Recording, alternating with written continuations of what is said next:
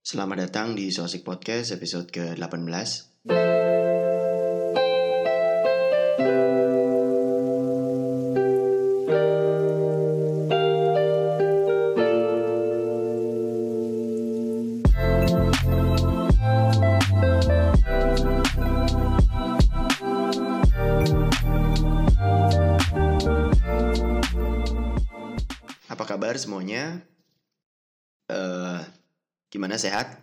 satu minggu PSBB di Jakarta Walaupun gak ngaruh-ngaruh amat ke gue gitu Karena gue tinggal di Depok Dan kegiatan gue ya cuma ke tempat kerja Kosan, tempat kerja, kosan, udah gitu. Menghindari banget lah untuk ke Dan dan ngapain gitu. Gue gue kan kebanyakan shift gue ya Dan sepulang gue kerja tuh biasanya eh, Yang malesinnya adalah Alfamaret, Indomaret dan semua semua tukang warungan itu yang harusnya gue makan gitu itu pada tutup gitu nyebelin. Gue pulang jam 10-an ke atas kan biasanya dan itu pada tutup gitu. Gue sih alhamdulillah ya. Jadi gue nggak makan malam gitu gue langsung tidur. Semoga berat badan gue turun juga. Gitu udah episode 18 aja gue nggak nyangka sebanyak ini gitu dan yang bikin gue nggak nyangka adalah ketika gue cek ternyata bulan depan podcast ini, so asik podcast ini berusia berusia lagi. Sudah mencapai usia ke satu tahun kata gue anjir ternyata lama juga ya. Walaupun banyak bolongnya tapi ya gitu ini tuh bisa jalan sampai episode 18 aja. Gue ber- udah bersyukur gitu. 18 tuh 1, 2, 3, 4 gitu. Terus sampai 18 gitu dan gue masih di sini gitu dengan rekaman rekaman ini gitu.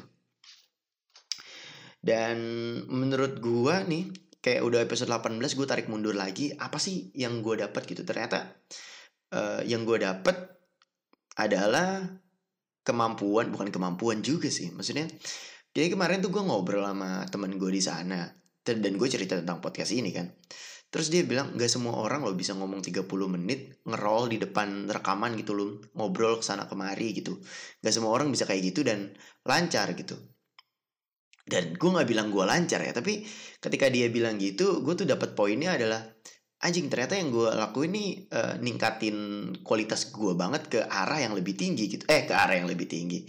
Ke keahlian yang tadinya gue nggak punya gitu. Ini udah 18 episode udah ada 18 eh, kali gue ngomong sekitar 30 menit 40 menit gitu dan fine fine aja gitu oke aja. Untuk seminggu ke belakang sih nggak ada hal yang ini ini banget ya. Eh ada hari Senin tuh kemarin gue ada audit audit kecil-kecilan sih. Ya tapi audit kecil-kecilan yang namanya juga audit tetap audit gitu. Ada finding dan lain-lain gitu dan eh, diskusi lagi gitu. Gue seneng gue selalu seneng ketika ada improvement gitu.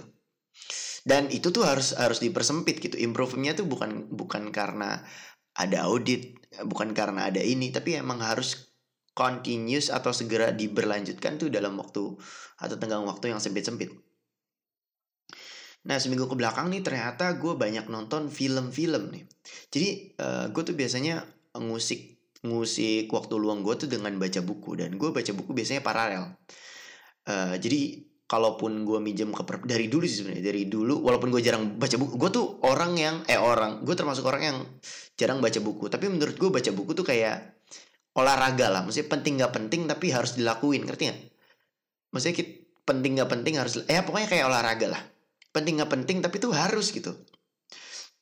Dan menurut gue baca buku memberikan hal yang sama gitu sama pentingnya sama olahraga. Penting gak penting tapi harus dilakuin gitu. Nah gue tuh dari dulu biasanya baca buku tuh dua atau paralel gitu yang satu tuh novel yang satu tuh buku puisi gitu. Jadi kalau gue bosen yang satu gue pindah ke yang satu dari bosen yang satu gue pindah ke yang satu. Dan biasanya buku puisi yang gue baca itu atau gue baca buku puisi itu biasanya memakan waktu lebih lama daripada buku novel. Karena ketika novel apalagi non fiction ya non fiction iya lu harus butuh suasana yang tenang kopi terus habis itu musik yang enak gitu terus keadaan PW mood yang baik. Baca novel kayak gitu. Karena kita perlu untuk memahami ceritanya kan kita perlu untuk masuk ke ceritanya. Tapi puisi tuh harus eh, apa ya dua kali lipat dari itu gitu. Kalau PW tuh harus PW banget gitu. Kalau dengerin musik tuh musiknya harus bagus banget. Kalau moodnya baik tuh harus yang baik banget. Nah kalau gua kalau baca buku puisi tuh enakan kayak gitu gitu. Maksudnya butuh konsentrasi yang lebih untuk baca buku puisi gitu. Bukan cuma dibaca dalam hati terus kemudian dibaca berulang dengan bersuara dibaca bait per bait dibaca kata per kata gitu. Apa maksud dari penulisnya gitu kadang kalau uh, kan kapasitas gua sebagai pembaca puisi juga masih minim ya. Jadi kadang ketika baca tulisan-tulisan yang uh, penulis terkenal tuh sekali baca tuh kadang nggak ngerti gitu. Ada ada tulisan yang bagus sekali baca langsung nangis bisa. Tapi ada juga tulisan yang dibaca berkali-kali tuh maknanya tuh belum nyampe ke gua gitu. Bahkan untuk beberapa puisi itu, misalkan gue baca dua tahun yang lalu, terus gue baca lagi sekarang, itu maknanya bisa jadi beda gitu. Karena karya seni kan hidup karena interpretasi dari orang-orang ya. Misalnya kalau dijelasin karya seni itu maknanya apa, udah kelar di situ karya seninya.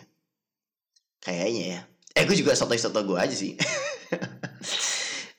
Jadi termasuk uh, film karena sekarang lagi pandemi, alasan aja sebenarnya. Gue lagi balas baca buku gitu. Buku gue stuck di novelnya tuh di apa tuh? Buku kedua dari Bumi Manusia tuh apa sih? Semua anak bangsa ya? Ya, Pramudia Natur yang semua anak bangsa. Kalau nggak salah ya. Sama uh, yang aduh, melihat api bekerja dari An Mangsur. Iya, gue ngestak di dua buku itu tuh nggak kelar-kelar gitu. Gue tuh punya kebiasaan kalau kalau dua buku itu belum kelar ya gue nggak bakalan skip ke buku lain gitu. Toh gue punya dua buku gitu kalau gue bosen ke yang ini gue bosen ke yang ini kalau gue bosen yang ini gue bosen eh gue bosen gue baca ke yang satu lagi gitu selalu kayak gitu terus kemarin gue nonton banyak film ada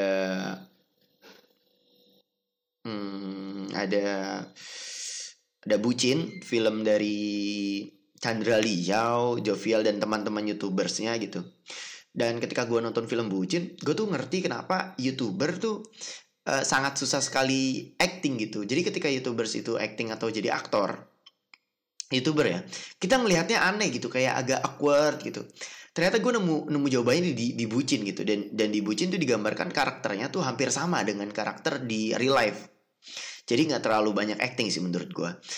Jadi jawabannya adalah kenapa youtuber terlihat aneh saat main film adalah karena uh, karena kita tuh tahu tahu karakter aslinya lebih banyak daripada kita tahu filmnya. Uh, ngerti nggak? Maksudnya kita, kita tahu pribadi dia lebih banyak aslinya daripada karakter filmnya. Contoh, uh, kita kasih Reza Radian. Reza Radian bisa main di film ini, bisa main di film itu.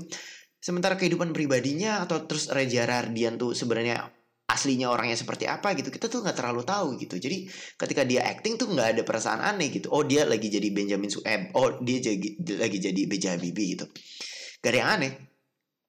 Tapi ketika youtuber main film itu ngebuat uh, ngebuat kita pikir eh anjing kok jadi gini? Kok jadi jelek? gitu. Karena kita tahu aslinya gitu. Kita kita ngikutin dia di YouTube ya mungkin atau mungkin kita tahu emosi dia seperti apa aja kita tahu gitu jadi ketika dia me memerankan orang lain itu tuh nggak dapat karena kita tuh udah tahu misalkan teman lu main drama deh teman lu main drama kalau nggak bagus-bagus amat ya lu ketawa pasti maksudnya event yang bagus juga gitu maksudnya teman dekat lu gitu terus dia main drama dia berperan serius jadi cowok yang ganteng lu pasti ketawa gitu.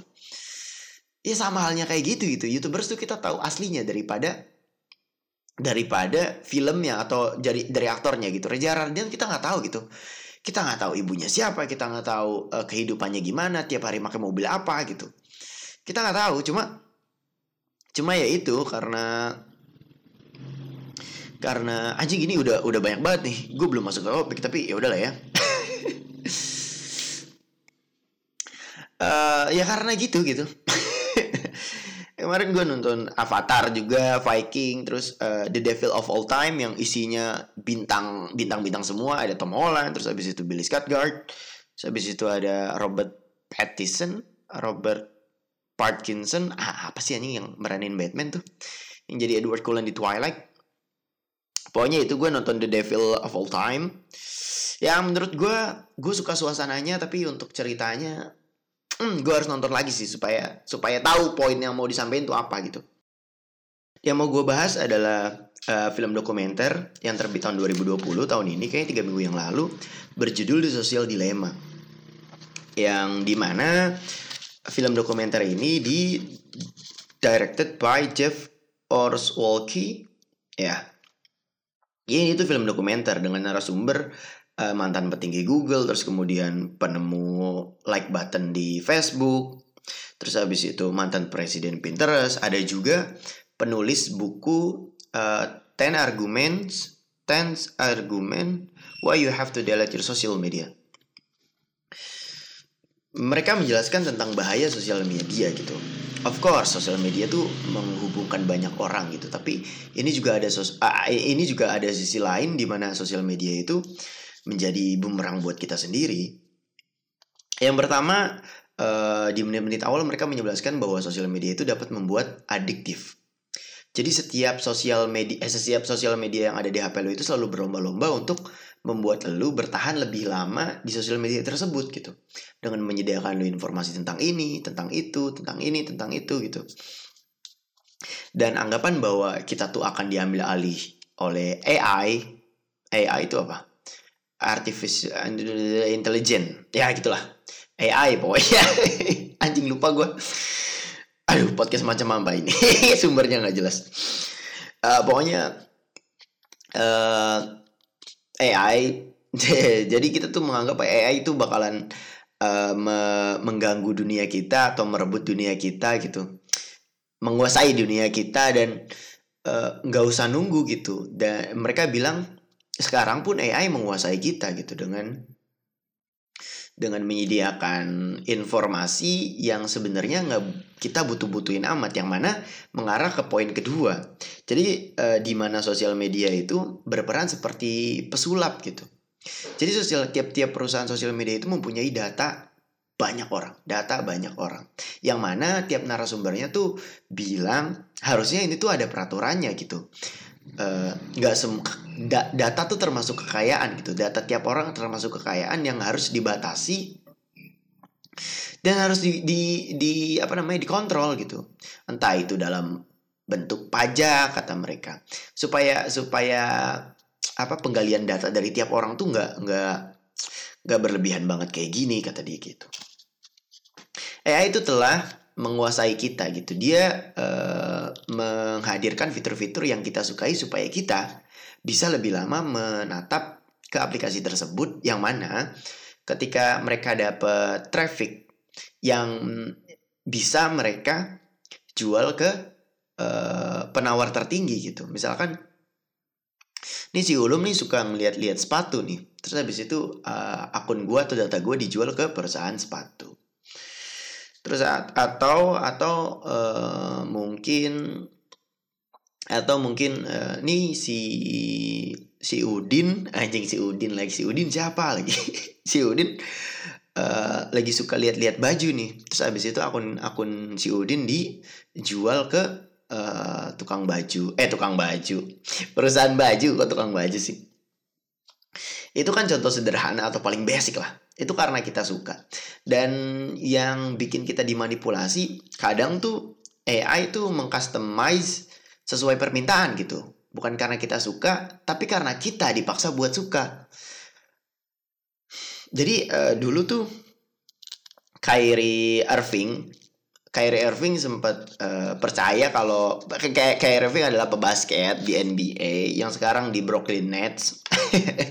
kayak nggak ada yang ngikutin basket juga ya. Jadi kayak kayak intinya Kyrie Irving tuh orang terkenal di Amerika lah. Jadi itu pernah percaya kalau bumi itu datar gitu. Jadi dia pernah percaya bumi itu datar dan uh, sampai akhirnya gitu setelah beberapa selang waktu dia tuh mengklarifikasi bahwa aduh ini tuh pasti gara-gara rekomendasi YouTube gitu. Jadi ketika lu klik rekomendasi YouTube itu lu bakalan turun lebih dalam lagi lebih dalam lagi lebih dalam lagi. Termasuk dia yang ngeklik tentang bumi datar yang akhirnya ke rekomendasi lagi tentang diskusi bumi datar bumi datar bumi datar bumi datar. Gitulah pokoknya. Jadi AI itu bisa manipulate you yang tadinya nggak tahu apa-apa jadi mengarah ke sesuatu yang mereka mau gitu jadi mereka tuh seperti pesulap, mereka tuh seakan-akan kita milih padahal mereka yang menyediakan informasi itu mungkin kalau lu sadar nih uh, di rekomendasi YouTube mungkin di rekomendasi YouTube itu banyak banget ah, banyak banget rekomendasi kan. So, ada pasti ada satu rekomendasi yang ada di situ-situ mulu walaupun jarang lu klik itu. Ada lagi, ada lagi, ada lagi. Padahal lu nggak pernah uh, nonton yang bersinggungan sama dia juga gitu. Ada lagi, ada lagi gitu. Itu salah satunya gitu. Bagaimana AI dapat memanipulasi kita gitu dan dan teknologi ini atau mungkin apa namanya sistem ini ini tuh udah kompleks banget dan hampir susah diaturnya gitu. Rekomendasi lu sama temen lu walaupun tongkrongan lu sama walaupun apa namanya sekolah lu sama itu beda rekomendasinya gitu. Jadi di customize masing-masing dan sistem ini gitu sistem yang membujuk kita atau bisa me, apa namanya memanipulasi kita ini bisa bisa dijual ke uh, the highest bidder gitu, penawar tertinggi gitu. Jadi perusahaan tuh bisa nge-request ke sosial media tersebut untuk ngubah dunia minimal satu persen lah. Tapi ngubah dunia satu persen tuh dampaknya tuh gede banget gitu. Uh, walaupun eh walaupun dulu. Jadi contohnya tuh uh, akhirnya mengarah ke hoax. Pada ending di dokumenter tersebut tuh uh, masalah paling gede adalah hoax di mana banyak banget kasus-kasus yang disebabkan oleh hoax. Gitu dan mau mau tidak mau sebenarnya hoax itu uh, tersebar uh, berapa kali ya? Enam kali lebih cepat daripada kebenaran apa ya gue lupa enam kali atau tiga kali lebih cepat gitu. Pokoknya lebih cepat dan menyebabkan traffic yang ugal-ugalan lah traffic yang gede gitu. Yang menguntungkan buat perusahaan yang bisa ditawarkan ke uh, the highest bidder gitu penawar tertinggi.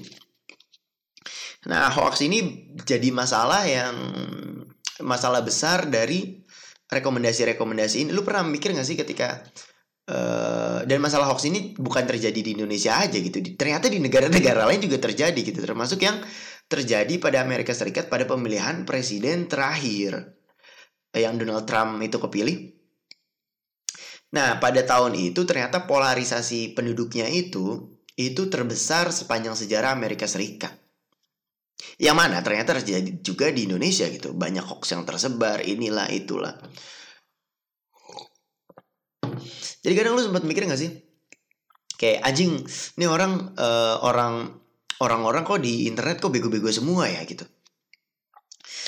Karena ternyata karena mereka yang nggak baca apa yang lu baca gitu. Kembali ke poin awal ya uh, informasi yang tersedia di elu itu nggak nggak tersedia di mereka gitu lu nggak pernah buka bumi datar misalkan di YouTube gitu. Dan mereka buka bumi datar yang di mereka yang nggak nggak mungkin muncul ten, diskusi tentang bumi itu bulat gitu. Ngerti gak sih? Jadi ketika kita menganggap uh, eh anjing orang-orang di internet kok bego-bego banget ya? Ya karena mereka nggak menerima informasi yang kita terima gitu. Informasi yang mereka terima tuh beda dari kita gitu. Mungkin informasi yang mereka terima tentang hoax hoax hoax sedangkan yang dari kita adalah uh, yang masih muda yang masih muda tentunya adalah berita-berita yang fix mungkin dari CNN Indonesia gitu atau mungkin uh, dari apa nih apalagi sih kantor berita tuh yang dapat dipercaya asumsi mungkin Sedangkan mereka uh, berita-berita yang mereka pertama terima mungkin dari kopet-kopet news, maksudnya uh, apa? Kopet ah anjing gue gak mau nyinggung media lah. Pokoknya itulah. Jadi ujung dari dokumen tersebut itu hoax yang menyebabkan banyak perang saudara gitu. Dan menyebabkan kalau uh, kalau apa ya, kalau kita tuh nggak sadar kalau kita di kita tuh tidak dimanipulasi gitu pelan-pelan mereka menanamkan uh, menanamkan gagasan-gagasan mereka ke dalam kepala kita sesuai dengan mereka yang mau. Eh sesuai dengan yang mereka mau gitu. Sesuai dengan penawar tertinggi aja gitu. Misalkan kalau penawar tertinggi bilang eh, gue mau nih Air Jordan itu populer di Indonesia. Itu bisa gitu. Termasuk yang terjadi di politik kan. Maksudnya mereka menggunakan hoax atau mungkin berita-berita palsu yang kemungkinan tersebarnya lebih cepat untuk menanamkan gagasan-gagasan mereka gitu. Mau nggak mau kan kita baca. Dan dan kita harus lebih sering-sering uh, cross check lagi gitu ini berita benar atau enggak gitu. Dan menurut gue yang masih muda kan masih ya oke okay, gitu masih masih terlalu apatis untuk menanggapi ini semua gitu tapi yang orang tua tuh langsung percaya biasanya gitu dan kedewasaan berteknologi ini harusnya uh, diingat diingatkan kembali ke orang tua orang tua kita gitu. Jadi kalau lu anak gitu terus abis itu ada orang tua yang percaya sama hoax eh lu ingetin terus lu ingetin terus gitu. Ini tuh nggak selamanya benar ini tuh nggak selamanya yang tertulis di uh, grup WhatsApp keluarga itu benar gitu. Lu ingetkan lah. Tapi tapi jangan ngotot ya. Jangan ngotot ya. Asal mereka nggak bunuh orang mah jangan ngotot-ngotot amat deh lu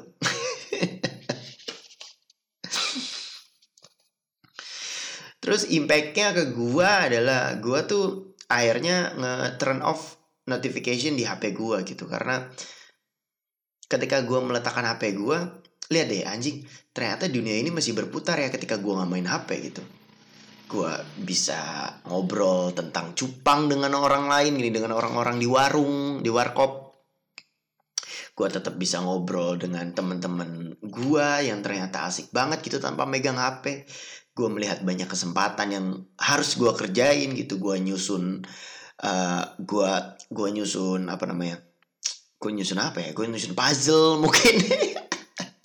Gue ngulik-ngulik aplikasi mungkin. Gue ngulik-ngulik aplikasi editing mungkin. Ternyata banyak hal yang bisa lo lakuin ketika HP lu tuh lo taruh.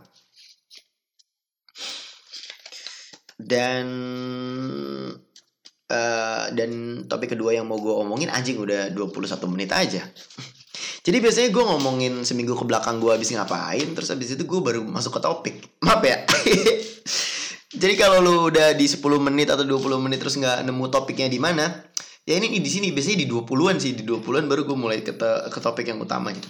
Ya, kemarin gue sempat bikin voting di di Instagram. Topik apa yang mau gue bahas gitu dan sebenarnya topik-topik tersebut tuh nggak valid-valid amat. Ya karena namanya juga soal podcast gitu. Ini uh, podcast di mana di mana gue yang usianya cuma 20 tahunan itu sotoy dan so asik aja tentang dunia gitu. Sebenarnya gue juga nggak tahu jawabannya apa. Cuma ayolah kita obrolin bareng-bareng. Kita karena kita mungkin seumuran gitu kita obrolin bareng-bareng kita diskusiin. Mungkin kita bisa ketemu jawabannya di jalan. Eh di tengah jalan kemarin gue ngajuin tiga topik yang pertama adalah mereset diri sendiri ketika usia 20 tahunan. Yang kedua adalah menerima adalah jeda eh menerima, merelakan adalah jeda yang menyenangkan dan yang ketiga adalah uh, menerima uh, mungkin jawaban dari banyak hal. Sebenarnya ada ada yang keempat sih, yang keempat itu uh, ada yang lain atau enggak? Gue nanya ada yang lain atau enggak? Kalau ada DM gitu dan ada beberapa yang DM gitu kayak mengajukan tema tentang berdamai sama diri sendiri yang mungkin bakalan gue bahas ntar. Tapi dari sudut pandang gue yang so asik dan sok tahu aja tentang hidup itu padahal masih umur 20 tahunan kan. Jangan percaya percaya amat lah sama gue.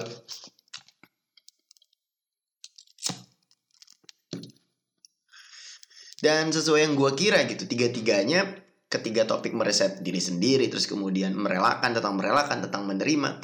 Tiga-tiganya adalah topik yang bagus gitu dan sesuai yang gue kira juga tiga-tiganya dapat voting yang hampir sama gitu. Jadi kayak 30%, 30%, 30%, sisanya DM. Dengan voting yang hampir sama sehingga gue bingung bakalan mengeluarkan atau membahas topik yang mana dulu dan gue lihat stok-stok tulisan gue kan kayaknya yang yang pernah gue bahas atau pernah gue obrolin bareng temen gue kayaknya gue ajuin yang ini dulu deh. Akhirnya gue memilih topik uh, merelakan adalah jeda yang menyenangkan gitu dan cukup banyak juga yang milih topik ini. Ya pokoknya sa sama sih semuanya. Ini 30% 30% 30% 10 persennya itu yang DM tentang cerita-cerita eh tentang topik-topik lain gitu. Tapi ayo kita bahas. Uh, merelakan adalah jeda yang menyenangkan gitu. Terus uh, ini kita mulai dari kata merelakan deh. Dan kan demografik pendengar gue itu kebanyakan dari umur 18 sampai 24 tahun nih. Di mana gue yakin mereka tuh udah punya apa ya udah punya pemikiran yang dewasa lah bahwa maksudnya mereka tuh nggak perlu nyari di Google lagi gitu cara-cara buat move on. Ih anjing. Apa? Ya karena karena di umur segitu gue yakin lu tahu jawabannya tuh ada di diri lu sendiri gitu. Beda-beda tiap orang terus abis itu uh, apa namanya Iya dan mungkin ada yang masih nyari jawabannya sampai sekarang gitu. Karena di umur yang udah makin dewasa nih di umur kita yang makin dewasa gitu, kita tuh makin sadar kalau waktu kita tuh nggak banyak. Entah itu gue doang yang ngerasa atau gimana ya. Kayaknya uh, gue tuh pikir kalau waktu kita tuh nggak banyak gitu buat mikirin-mikirin kayak patah hati anjing patah hati setahun tuh gimana ceritanya gue tahu ada yang masih ngalamin sih tapi come on maksudnya waktu kita nggak banyak lu nggak nggak harus mikirin itu mulu gitu. Ada banyak hal yang harus lu kerjain gitu. Gini deh di umur yang 18 tahun ke atas menurut gue patah hati tuh kayak kayak lu nyeti eh kayak lu mau puter balik nih di jalan kayak kayak lu di jalan terus mau puter balik nih. Terus abis itu uh, puter baliknya itu atau puterannya tuh kelewat gitu. Ngerti nggak patah hati tuh kayak gitu gitu. Ketika lu jalan lu pengen puter balik ternyata puteran puter puter baliknya tuh kelewat gitu. Nyebelin sih emang. Tapi ya udahlah kita cari putaran lagi di depan gitu.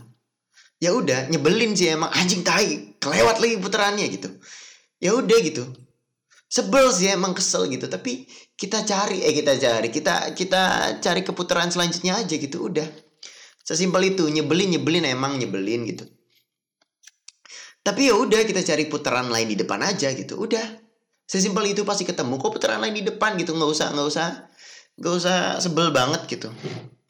Itu sih. Kayaknya patah hati di umur segituan tuh harusnya harusnya bisa sesimpel itu karena kita sadar waktu kita tuh nggak banyak gitu. Banyak hal yang harus kita kerjain, banyak hal yang harus ditata untuk menempuh kehidupan dewasa yang menyakitkan ini.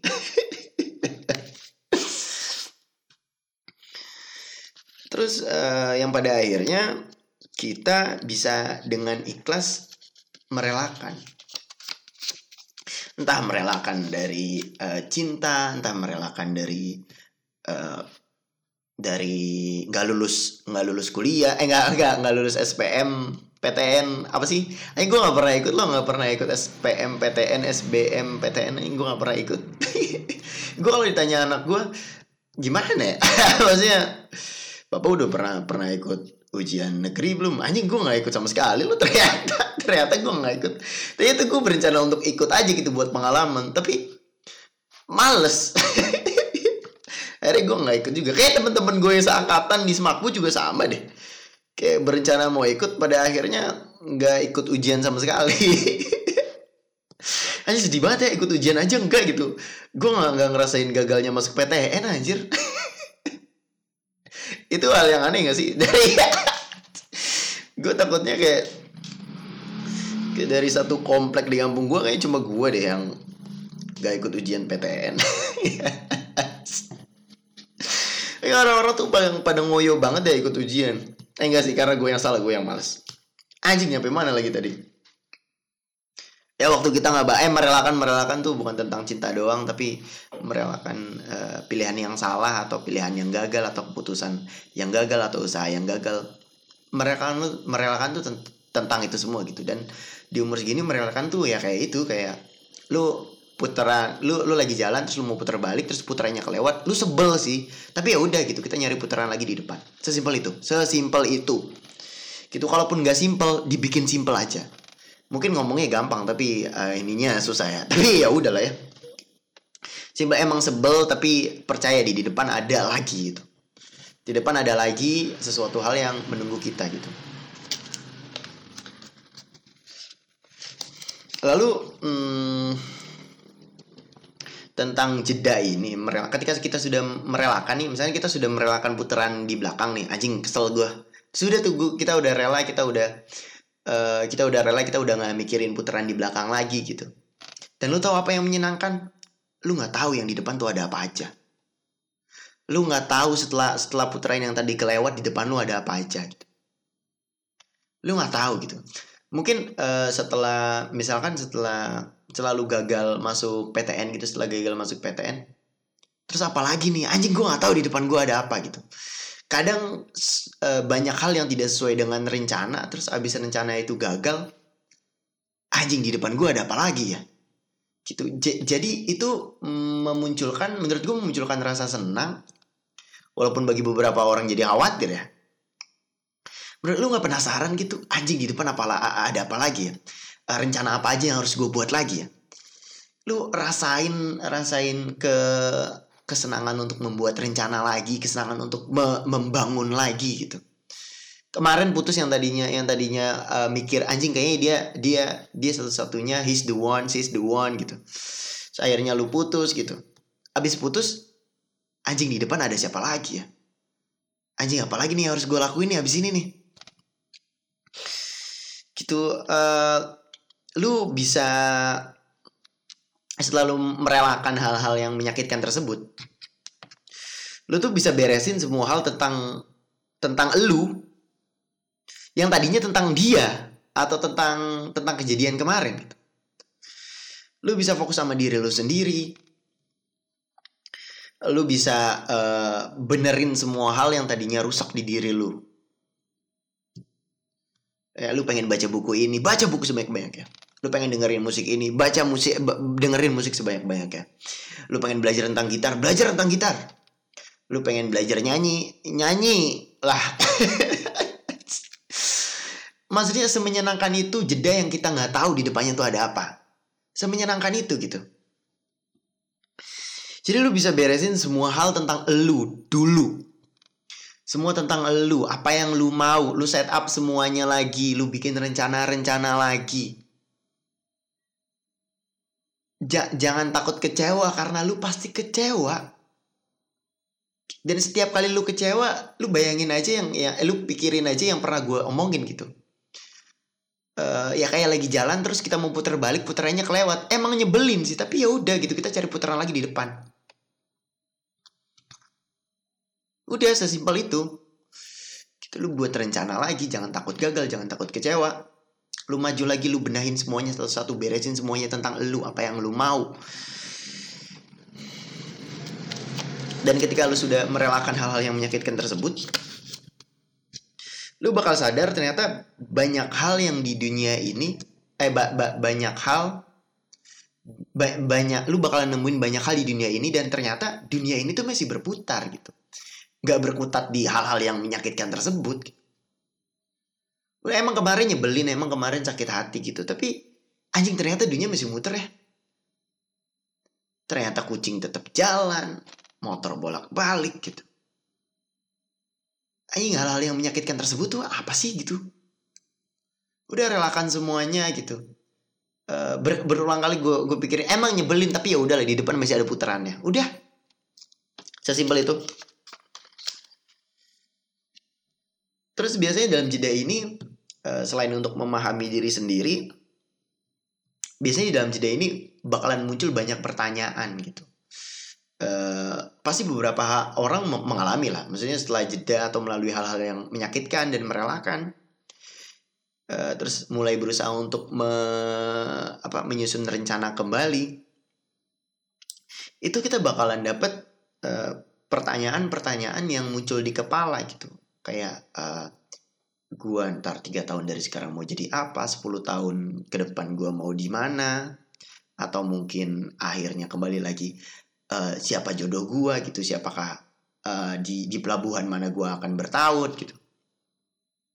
Banyak pertanyaan seperti itu dan dan makin lu menikmati jedanya makin banyak pertanyaan dan makin lu sadar ternyata jawabannya bukan di elu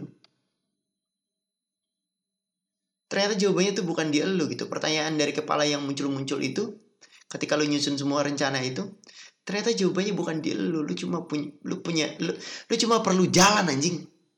Lu jalan sampai putaran selanjutnya. Udah. Lu cuma perlu jalan lu cuma perlu maju. Dan dan dan itu tuh hal yang menyenangkan dan melegakan menurut gue ketika kita cuma perlu jalan doang. Kita perlu kita cuma perlu maju doang. Kita kita penasaran gitu anjing di depan apa ada apa lagi nih? Di depan ada apa lagi nih? Ini, ini di depan gue udah nyiapin ini di depan ada apa lagi nih? Itu hal yang menyenangkan tau. Menurut gue ya menurut lu nggak tahu sih. Dan pada akhirnya uh, lu bakalan uh, lu bakalan uh, dari jeda yang menyenangkan ini gitu. Dari lu ngebenerin diri lu sendiri dari lu ngebangun semua rencana lagi dari lu kecewa lagi dari lu bangkit lagi gitu.